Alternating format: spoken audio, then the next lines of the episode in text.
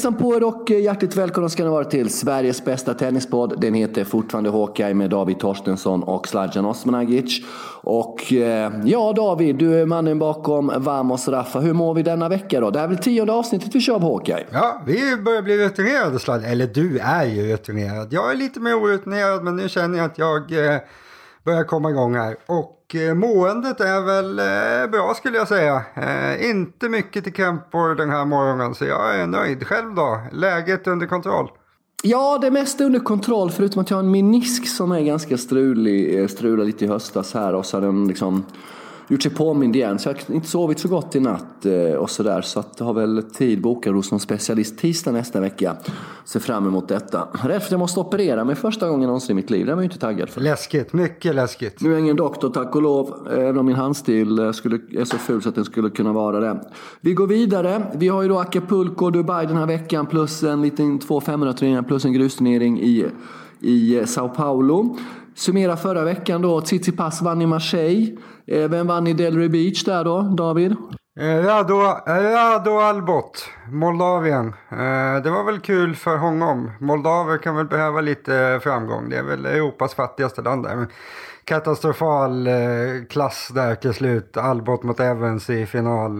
De är väl, ja det är ju Challenger-spelare egentligen. Så det var inte så, förra veckan var inte så bra helt enkelt. Det var dåligt. Mm, Dan pundaren Evans. Ja, just det. Evans där. Kokainavstängd eh, sådär en gång i tiden. Har lite rykte om Orättvist ska man ju säga. Alltså, det är rättvist att han får framgång här. För alltså, där tror jag, vi är inte eniga om mycket sladja, men att få över ett års avstängning för kokain när man får samma avstängning för att ha knaprat lite ryssfemmor. Det tycker inte jag är riktigt rimligt. Så att Evans får komma tillbaka lite. Det tycker jag är, det är väl bra att han får eh, dra fördel av en sån där vecka då alla toppspelare var väglösa. Yes, Håka är den mänskliga tennispodden. Vi bryr oss om människan bakom racketen som det så vackert heter. Vi hade en Rio 500-turnering också då, då, där vi hade lite udda finalpar i Laszlo Gere. Och eh, mycket, mycket, mycket intressant och talangfull Felix Auger aliasim som nådde sin första ATP-final.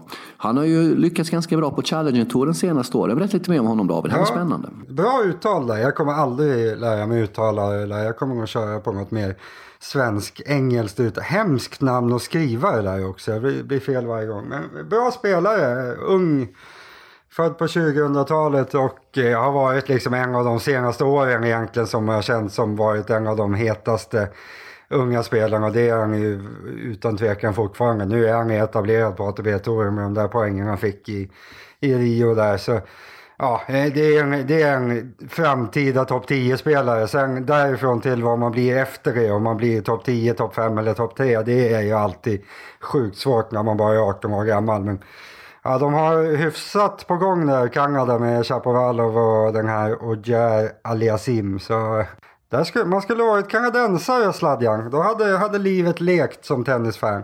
Ja, Ogier. Ogier. Ja, precis, precis. Eh, och när du ändå är inne på det då. Ska vi ta veckans Ymer? Är det sågning eller hyllning? Jag vet ju vad jag skulle oddsa på om, om, om, om det är inte så mycket odds på det. 1,05 på att det är en sågning va? Ja, bra odds. Nej, det var ju tråkigt. Eh, han hade superchans att bli topp 100 för första gången den här veckan, Elias Ymer. Men eh, ja, det gick inte. Det var en annan liten eh, snorvalp som var för bra för honom. Seabot Wild, brasse som eh, inte är så bra egentligen. Han är topp 500 med knapp marginal, inte vunnit någon match i år inte etablerad på Challenger-touren. Så superflopp av Ymer i Sao Paulo. Nu har chanserna försvunnit lite grann här. Det var ju de här tre veckorna han skulle bli topp 100. Nu blir det tuffare igen med starkare startfält. Så det var ju synd. Vi hade väl velat ha en svensk eh, topp 100-gubbe här, Sladjan. Mm, det hade inte varit helt fel faktiskt. Du, generellt sett så var väl kanske de etablerade namnen lite lata förra veckan. Delpo åkte ut till Delray Beach, eh, avstod Acapulco, fick wildcard Men återigen strul med knät, inte helt oväntat. Vad tycker du om de etablerade spelarnas insats förra veckan? Ja, just Del Potro är väl den som ska få frisedel från sågningen på något sätt. För han, alltså, han, han kommer alltid tillbaka lite för tidigt känns det som. Han, han är fortfarande lite gipsad när han börjar spela. Det såg man ju.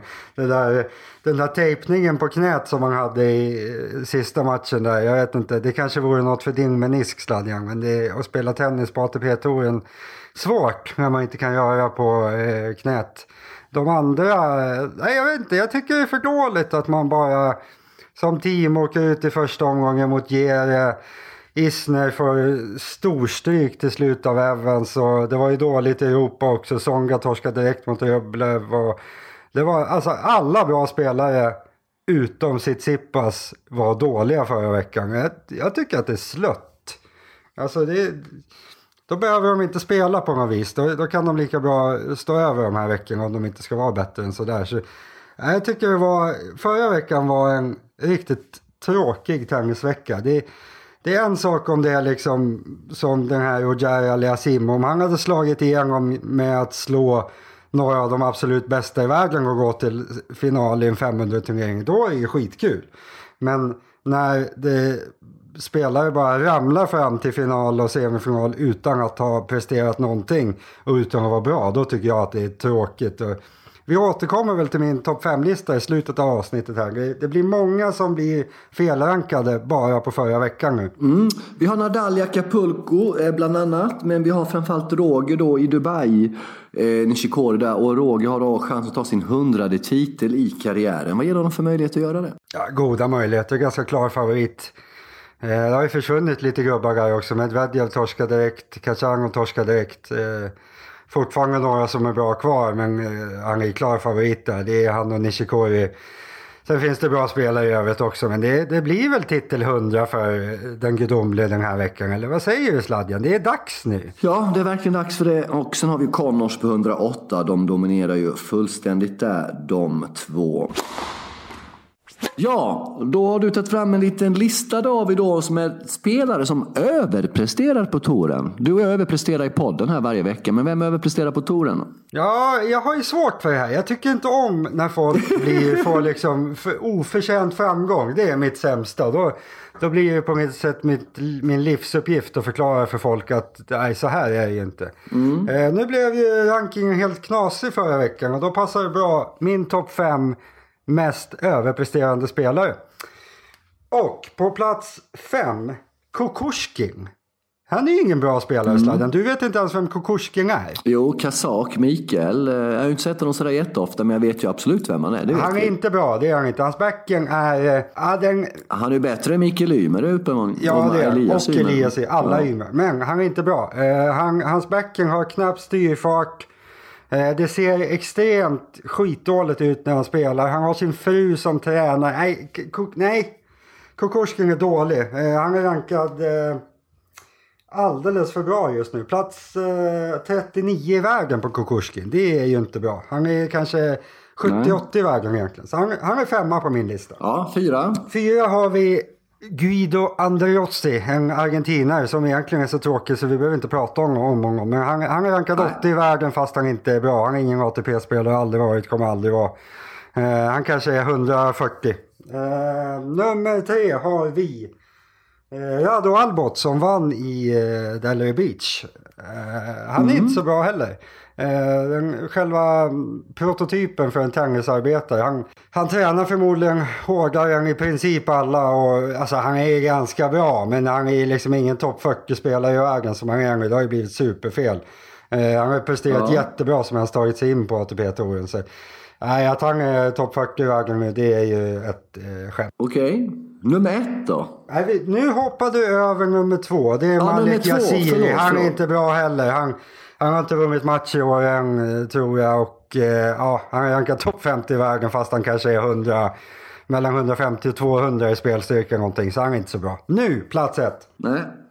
Ja. Och där har vi din, eh, jag får inte säga din landsman, men personen Nej, som du får kommer inte för från... jag är svensk. Just det, han kommer från svensk. samma land som du bor i, kan man säga så? Ja, det får du gärna ja, säga, okay. det är en helt annan femma. Då har vi mannen ja, som kommer från samma land som Sladjan just nu bor i, Laszlo Jere, som vann i Rio de Janeiro. Eh, Topp 100 med mycket knapp marginal. Han har legat och sladdat ut 100-strecket hela senaste året. Eh, inte varit ett dugg bättre än så. Nu vann han en 500-turnering och är rankad plats 37 i världen. Och det blir ju lite konstigt när man bara är hundrade bästa i världen. Så han, han blir alltså nästan sidad i Franska öppna i sommar. Eh, det hade ju kunnat vara något att få honom som eh, sidad motståndare där. Mm, det hade varit det. Du, eh, apropå länder. Jag ska åka till Polen senare idag. Vi spelar in detta onsdag förmiddag. Och till Polen i eftermiddag. Och det fick mig osökt att tänka på Jerzy Janovic, honom kommer vi ihåg va? Ja, vi gillar Jerzy Janovic. Ja, ja, ja, Ja, vad hände? Wimbledon-semifinalist. Ja, vad hände egentligen? Ja, han, han fick ju ont. Det var först var det axeln och sen var det knät. Eh, Det var väl knät som var det som sänkte allting egentligen. Han var ju när han kom fram där och var, han gick till final i Paris Masters. Eh, Och då var han ju alltså, eh, där var, det var ett sånt där genombrott från en lågt rankad spelare som är så sjukt roligt. När det bara kommer in någon och är så här otroligt bra och slår bra spelare liksom. Det var ju, då trodde man ju alltså det här blir ju en av världens bästa spelare, vilket han också blev sen. Han blev ju, blev han topp 10 eller blev han på gränsen till topp 10? Han var väldigt högt rankad där ett tag i alla fall. På gränsen till topp 10. Ja, Ja, absolut. Jag eh, tror att han var 11-12. Han hade blivit topp 10 med marginal och legat där länge om kroppen hade hållit. Eh, helt otrolig serve när han fortfarande kunde hoppa.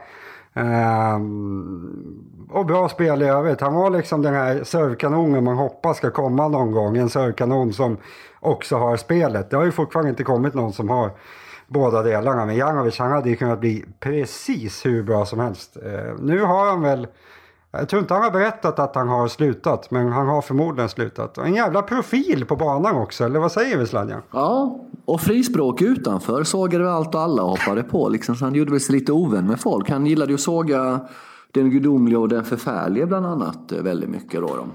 Eh, så är det med det. Ja, vi får se om vi springer på dem i Katowice. Skulle inte tippa på Ja, det. det är väl honom du ska leta efter där, eller har du någon? Jag trodde du skulle åka till Polen för att hitta Janovic.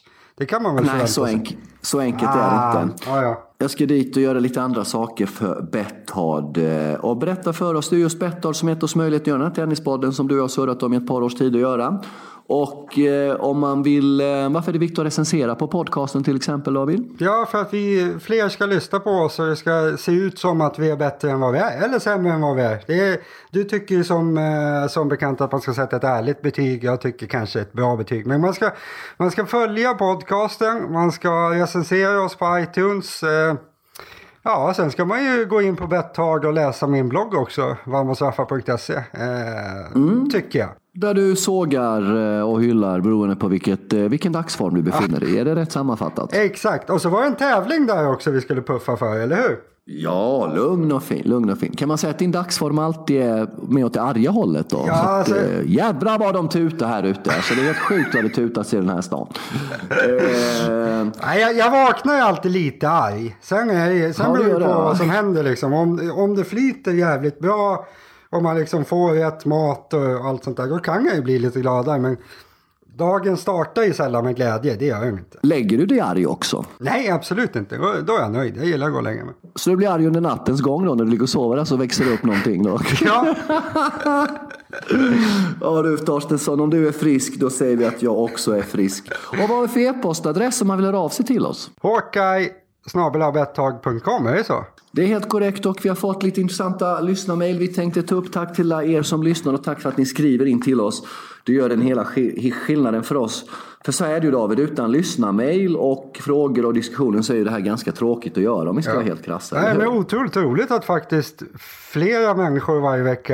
tar sig tid att skriva till oss. Det är, nu för tiden är inte det så jättevanligt, så det är ju skitroligt. Mm. Först och främst så vill vi be er som lyssnar, om ni tycker att vår podd är okej, att gärna dela med er av den på sociala medier så att vi får lite större spridning. Skulle uppskattas ganska mycket. Och så har vi en tävling vi vill introducera som heter meetzlatan.com. Meetzlatan.com. Gå in på den. Ni kan, du och en vän kan vinna en resa till Los Angeles, Kalifornien i mitten på maj. Träffa Slarre, Zlatan, en meet and greet på ett tjusigt hotell. Betthard står för flyg, vi står för omkostnader, hotell, mat, tutti balletti. Och eh, då blir den inte en, eh, man får skaka hand med Slarre, ta kort med Slarre och så ställer jag lite frågor, intervjuar honom på det här tjusiga hotellet i West Hollywood, Los Angeles. Och sen två dagar senare på söndagen den 19 maj så ser vi Galaxy mot, vilka var det nu? Var det Colorado Rapids kanske? Jag kommer inte ihåg. Med, med Tim Howard, gamle United-målvakten tror jag. Axel Sjöberg, eh, svensk spelare också. Johan Blomberg, svensk. Jag för mig att det var de, dock inte hundra. Så det låter väl trevligt. Ska du gå med i tävlingen har du ingångar på Betthard så du kan liksom få följa med ändå Torstensson. Jag kommer ju prova, men, men inte för, för att åka till Los Angeles eller träffa Slatte. Jag ville träffa dig Sladja. Jag ville hänga med dig i Los Angeles i tre dagar. Och det, det ingick ju tydligen, eller hur? Ja, eh, ja, inte hänga med mig i tre dagar. Men ah. vinner man så, så träffar man nog mig också där då. Det, det gör man nog. Det, Fan det vad snålt. Jag tycker man borde få ha lite mer med dig. Det är det som är liksom höjdpunkten. Men men. Mm. Ja. ja, det är svårt att vara alla till lags vet du. Det funkar inte. Men meetzlattan.com och eh, jag var ju i LA här nu och gjorde lite grejer för Zlatan och Bettor och han ska ju åka till Indian Wells vet du, och kolla på den förfärliga. Ja, härligt. Superhjältar ska hålla mm. ihop. Ja, jag tycker det är lite grann faktiskt. Jag tycker det. Jag tycker lite grann. Nå, åter till lite tittarfrågor. Vi hade ju en intressant tittarfråga från Joakim Karlsson. Tittarfråga? Lyssnarfråga heter det faktiskt. Eh, från Joakim Karlsson förra veckan. Här då med vi kan läsa eh, upp hans mejl. Hej! Jag ska återkomma med ett förtydligande i mitt ordval av snobbig inom citationstecken i min lyssnarfråga förra veckan. Tack för att ni tog upp den och pratade så länge kring den. Varsågod och tack för att du skrev till oss Joakim. Eh, han har då förslag på vilken kalla Nadal. Vi utlyste lite hjälp förra veckan Torstensson eftersom du, vår fantasi och kreativitet har dött. Vi har ju då Roger den gudomlige. Vi har då Novak den förfärlige. Men vad ska vi kalla Raffa eller Rafael? Och då kommer Joakim med två förslag. Rafael den vilde, alternativt Rafael den galne eller Rafael den konstige på grund av alla tvångstankar som du också är väldigt fascinerad av Torstensson. Då har vi två bra förslag. Vi tar till oss dem Joakim och funderar vidare. Sen har vi en fråga från Marcus som är direkt riktad till mig. När ska du fimpa Karol Klizan? Det är väl ändå Martin Klizan du syftar på? Ja, det finns en Martin Klizan, ingen Karo Klizan. Men den jag syftar på som stökig och bökig, det är ju Lukas Rossol. Precis. Så det blir ofta, det är, inte, det är trippelfel där, ja. kan man säga. Så jag ska helt enkelt sluta tjata om uh, tennisspelare. Be om ursäkt Sladjan, be om ursäkt. Ja, jag ber så himla mycket om ursäkt. Jag ska sluta babbla om spelare från Tjeckien eller Slovakien eller för detta Tjeckoslovakien. Så kanske det blir säkra så. Vi har ett litet tips också. Har du Netflix Torstensson? Jajamensan. Har du sett den här dokumentären? Här är då Peter som starkt rekommenderar Netflix-dokumentären om Boris Becker. Eh, som han tycker är jättebra. De beslagtog huset i London här nu nyligen. Det går inte så bra för Boris. Och det går inte så bra för heller för mig för mitt Netflix-konto är stängt ser du Torstensson. Du har missbrukat? Nej, jag har inte missbrukat. Jag har bytt kontokort. Så jag tror att det det. Jag måste gå in och fylla i det nya kontokortet. men det lät väl spännande. Jag har inte sett den, men det är väl dags. Eh, ja, men då får du väl för fan titta på den då så ja, du har något att prata om i podden. Lugn, vi tar nästa vecka. Sen har vi fått ett härligt långt lyssnarmail, heter det fortfarande. Med från, från, från Jonas Ryding. Som handlar om prispengar. och vi läser upp eh, Jonas mejl. Hej David och Sladjan och, tack för en bra podd. Apropå pengar så har jag en fundering som jag hoppas att ni kan hjälpa till att reda ut. Hur kan det komma sig att Novak den förfärlige har spelat in mest pengar av alla? Att han är spelmässigt bäst räcker ju inte som argument i det här fallet eftersom han inte vunnit mest. Ändå ligger han ju, ännu ligger han ju faktiskt ganska långt efter både Federer och Nadal gällande totalt antal titlar och finaler. Jag vet inte om jag håller med om den definitionen riktigt. I tabellen nedan, eh, Jonas har varit så ambitiös han har sammanställt en tabell. I tabellen nedan har jag ovetenskapligt samlat lite lättillgängliga fakta. Då har han då i första kolumnen har han då antal miljoner man har spelat in. Då har Djokovic spelat in dollarmiljoner, 128. Eh, Roger 120 och Rafa, den, eh, Rafa 104. Antal Grand Slam-titlar, det vet vi, det är 15, 20, 17. Förlorade GS-finaler, 10 för Rafa, 7 för eh, Roger, 8 för Novak. Sen har då övriga titlar här då, som är då och där ingår då ATP 1000, 500, 250 och ATP Finals. Då har Novak 58, Roger 79, Rafa 67. Finalförluster, jiddel jaddel blaha blaha. Eh, vad han ville komma till här då Jonas eh, eh, eh är ungefär så här då. Ligger hela svaret i att Novaks karriärtopp ligger senare i tiden än Roger och Raffas då prispengarna höjts på senare år? Frågetecken. Det måste vara i så fall vara markanta höjningar som skett. Skulle vara intressant att se vad ni tror om detta. Eh, ungefär så. Och han har då ett förslag på Rafaels smeknamn också som är Rafael den svettige. Ungefär så. Ja, eh, det är en intressant sammanställning han har gjort här, Jonas. Och eh, hur ser du på det här? För det första så har ju prispengarna höjts sjukt mycket de senaste 3, 4, 5 åren. Eh, så det är en viss del av förklaringen. En annan del av förklaringen är väl att Djokovic spelar ganska mycket mer återhållsamt än dessa två gör.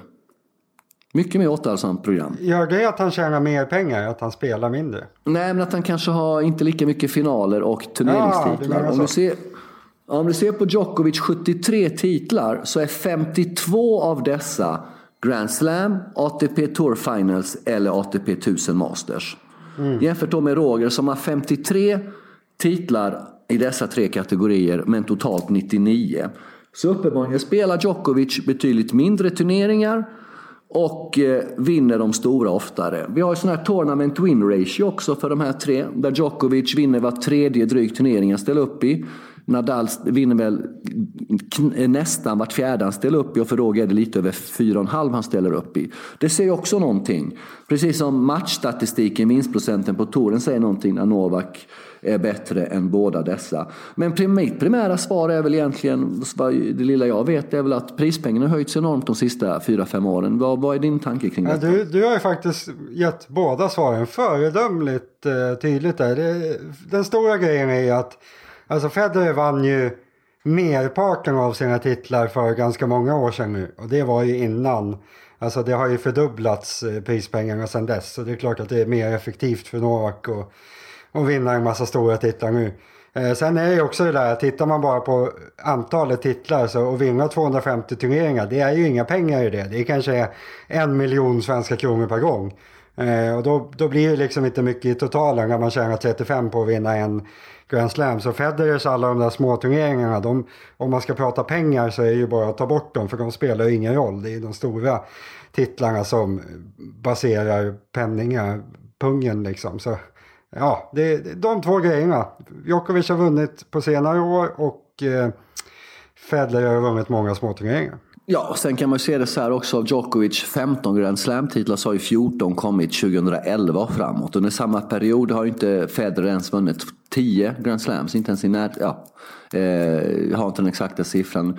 Kan också ha en relation. Sen har ju då även Federer och Nadal haft lite mer skadeproblem. Varit borta i flera omgångar. Nova kan inte vara borta i en omgång. Eh, som också hämmat dem kanske lite grann då. Eh, pengamässigt. Jag vet inte. Men någonstans där ligger väl det hela.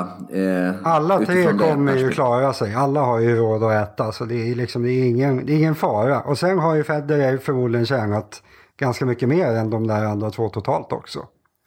Ja, och sen är det ju Federer som ändå driver tennisen ekonomiskt och Tutti Valetti, det är ju ändå han som är eh, ja, the man om man uttrycker sig så. Eh, jag hoppas de här svaren är okej okay, Jonas. Återkom lite, ja, om ni undrar mer. Och det är då bet, eh, at betthard.com. Var det vår e-postadress ja, Det ska vara rätt. Det ska vara rätt.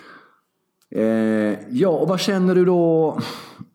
Rafael den vilde, Rafael den galne, Rafael den konstiga, Rafael den svettige. Vi är inte riktigt nöjda ännu va? Vi behöver jag, hjälp va? Jag börjar landa lite i den psykotiska. Det är ju liksom bara det. Det, det, det biter ganska bra. Eh, svettiga tycker jag lät troligt annars. De andra där, ah, jag vet det kändes lite konstlat. Men ja, av dagens förslag den svettige, men jag vill ju puffa för den eh, psykotiske då. Raffa den psykotiske kör vi på tills vidare.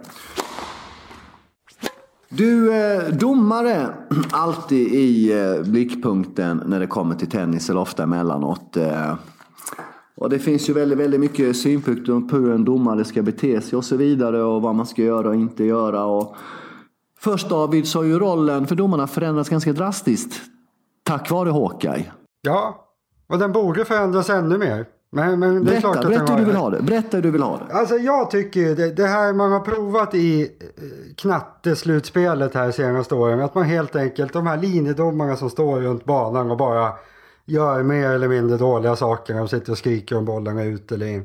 Man tar bort dem. Man använder sig av tekniken som man redan har på banan, det vill säga Hawkeye. Eh, det kommer upp en, eh, en elektronisk röst i högtalarna när en boll är ute. Det blir aldrig några diskussioner, man vet att det är rätt direkt.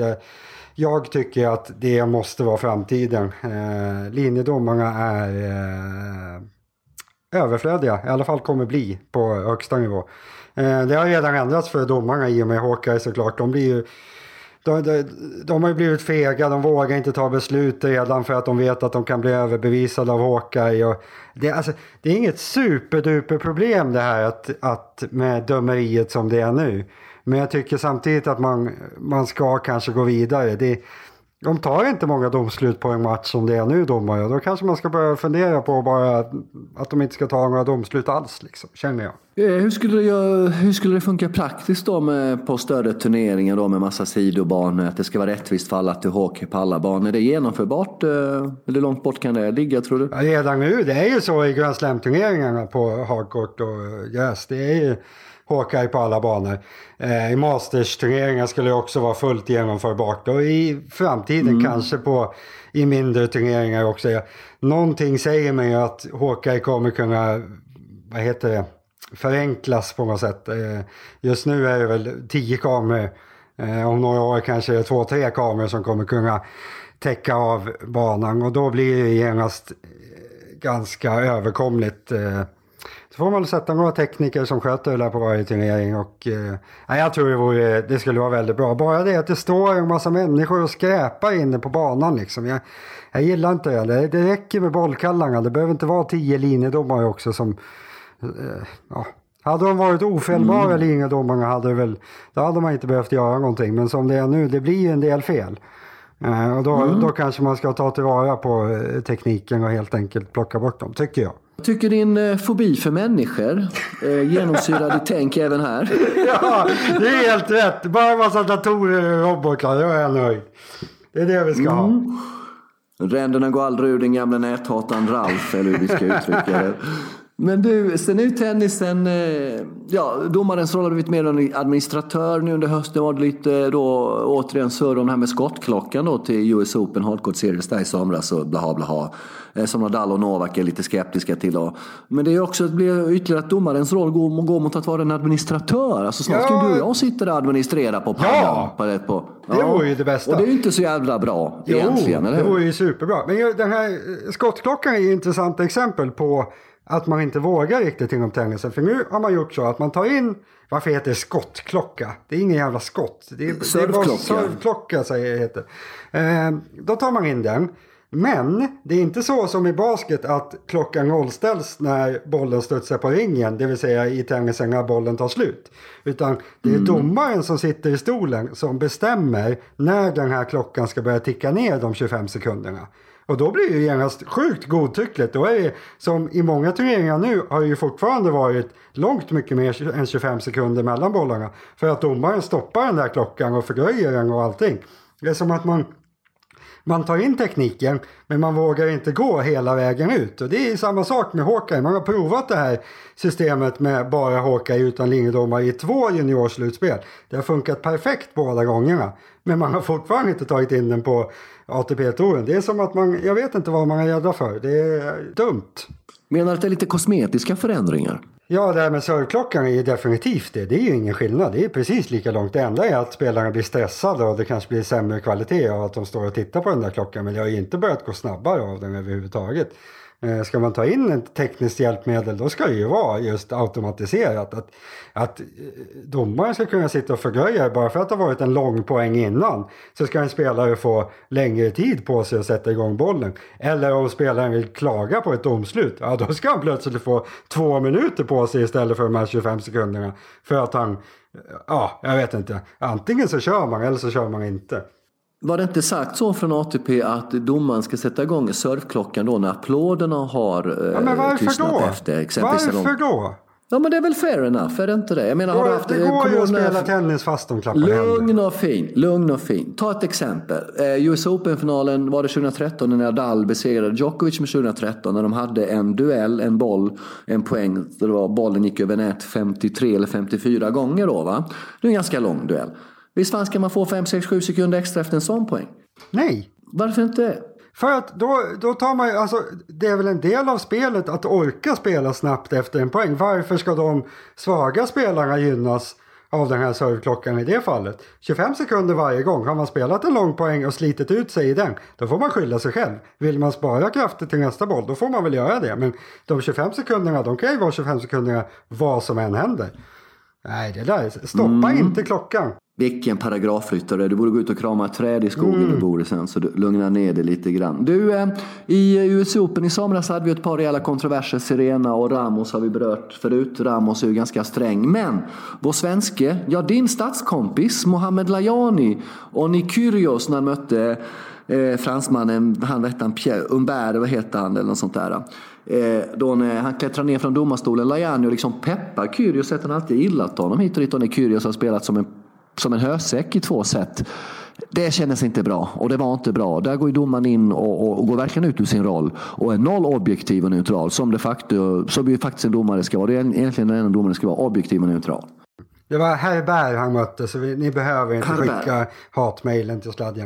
Eh, men Nej. Ja, nej, det där var ju ingen eh, supersuccé riktigt av eh, Lajan överhuvudtaget. Han har väl, om vi ska prata enskilda domare, så har väl han drabbats lite av det här som har drabbats eh, några fotbollsdomare som har blivit lite för stora. Eh, mitt bästa exempel är väl Anders Frisk som fick döma en gång i EM-final eller vad det var. Eh, och sen när han skulle döma allsvenskan då började han ta så här helt vansinniga beslut som att det var bara för att synas. Liksom. Han, han, han såg på sig själv som större än rollen på något sätt. Och lite så har det väl blivit för Lajani också. Att det räcker inte för honom att bara sitta och göra det han ska göra i domarstolen. Utan han, han har liksom fått ett behov av att försöka bygga sin egen roll lite grann. Och det har ju gått ganska dåligt för honom. Han hade ju en kontrovers i förra veckan här också där han gjorde bort sig igen. Så jag vet inte.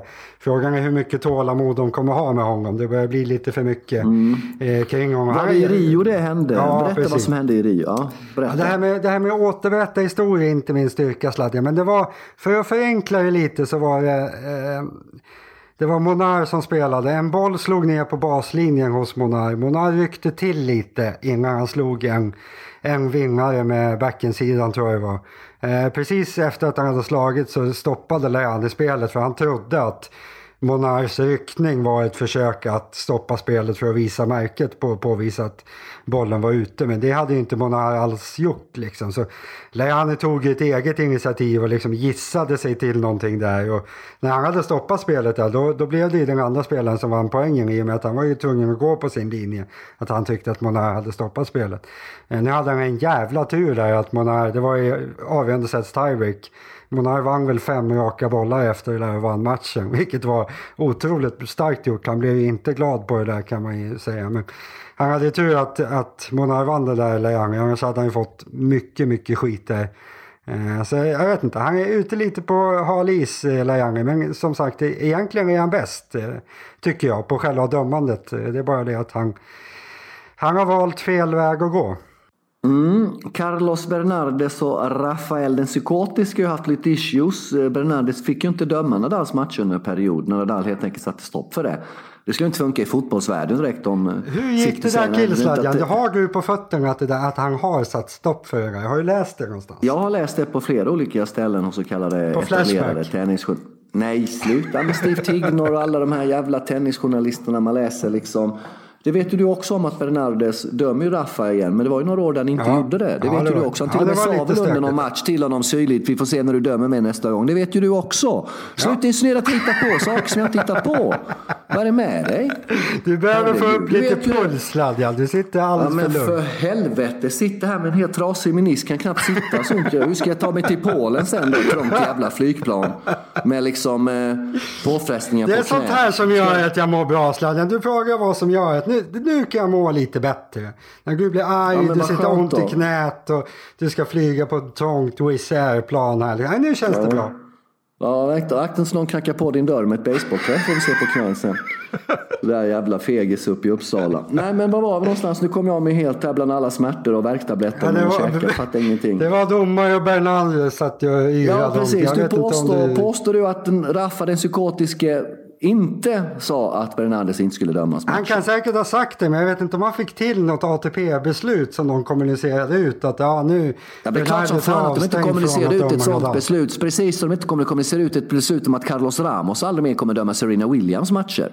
För fan, han fick ju gå av domarstolen till prisutdelningen till och med i US Open. Fast det vore roligt om han fick det. göra det. Ramos är ju bra för du, du sa att han var sträng. Det är ett väldigt bra ord om en domare. Ska inte en domare vara sträng, Sladjan? Det är, det är bra jo, betyg. Jo, men det är klart att man använder rätt ord och begrepp. Jag menar, vad är det med det? Jag förstår ja. inte vad du håller på med. Jag försöker bara vara lite snäll, men jag, jag ber om ursäkt. Ja, det, det, det, alltså David, jag är ledsen men det klär dig inte att försöka vara snäll. Det är out of, out of character. Det blir, det blir bara konstigt. När tror du att vi går över då till att inte ha linjedomare och köra Hawkeye tutti balletti på hela ATP-touren? Pratar till och med om Båstad och sådana turneringar. 2021. Eh, alltså det, man skulle ju kunna göra det nu. Det skulle ju kosta. Problemet skulle vara för mm. de små arrangörerna. För typ Stockholm Open skulle det bli en pluskostnad att sätta upp det på en bana till. De skulle behöva ha det på bana ett också. Eh, I vissa andra turneringar behöver man ha det på två extra banor eller tre extra banor. Eh, det, det, skulle bli lite dyrare för de mindre arrangörerna. De stora skulle inte ha några problem med att klara av det överhuvudtaget. Eh, det skulle säkert, det behövs väl något år i förberedelse. Jag antar att de som säljer de här grejerna måste ha lite tid på sig att sätta en organisation för Men man skulle kunna besluta om det idag. Tyvärr gör man inte mm. det. Men inom fem år, jag tror om typ tre, fyra år, då tror jag linjedomarna är borta på ATP-touren. Sen på lägre nivå så går det ju inte såklart. Då får man ju ha något annat system. Mm, apropå kostnader och arrangörer.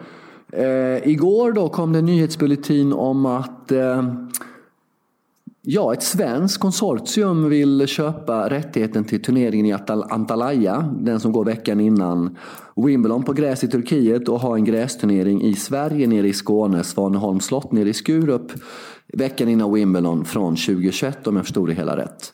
Du var jätteskeptisk till den här bulletinen. Ja, för eh, nästa sommar säger de att de eh, har som plan att göra det här. Det, det, alltså, det kommer såklart inte hända, men det vore jätteroligt om det hände. Det är inte som att jag, jag sågar inte idén egentligen. Det, det låter ju skitkul. Vi kör en ATP-turnering vid ett slott och spelar på gräs liksom. Men om man lyssnade lite på vad, vad som sades om det här så det, det känns ju lite som någonting du och jag skulle kunna sitta och rita ihop i min källare över en flaska vodka typ. Det var liksom, det, det kändes inte som en seriös eh, idé riktigt. De ska ju köra en veteranturnering där i sommar eh, och det är väl den de försöker söka lite extra uppmärksamhet till genom att säga att vi ska köra en ATP här sen. Men ja, jag vet inte, jag, jag, tror inte att det där kommer hända riktigt. Men en grästurnering på svensk mark i ett slott utanför Malmö någonstans, det låter väl kul tycker jag. Så hoppas, eh, hoppas jag har fel. Ja, och även om den turneringen blir av så skulle man ju inte få dit de stora namnen ändå för de eh, spelar ju väldigt sällan turneringar veckan innan och utan de på plats i London och kör lite uppvisningsmatcher och ligger i hårdträna. Vi får följa det där. Men eh, Mats Wilander var ju väldigt positiv hit och dit och lade ut sitt namn till det här. Ja. Vi får se hur det blir med den där balletten. Maila till oss på hawkeye.betthard.com. Vi uppskattar era lyssnarmail väldigt, väldigt mycket. Det är en drivkraft för oss.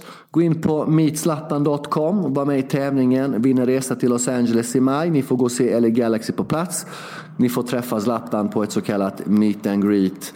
Betthard står för alla omkostnader. Ska se om jag kan falla in dig i det här Torstensson.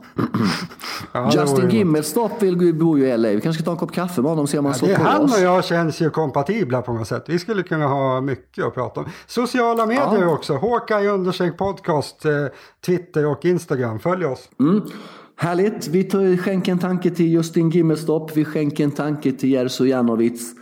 Och vi skänker en tanke till Raffa den psykotiske. Äntligen har vi fått fram ett namn på honom David. Äntligen! Härligt, härligt, härligt. Tusen tack till er som har lyssnat på Hawkeye. Lyssna på oss nästa vecka också. Då drar Indian Wells igång ut i den kaliforniska öknen. Tack David, tack allihop. På återhörande.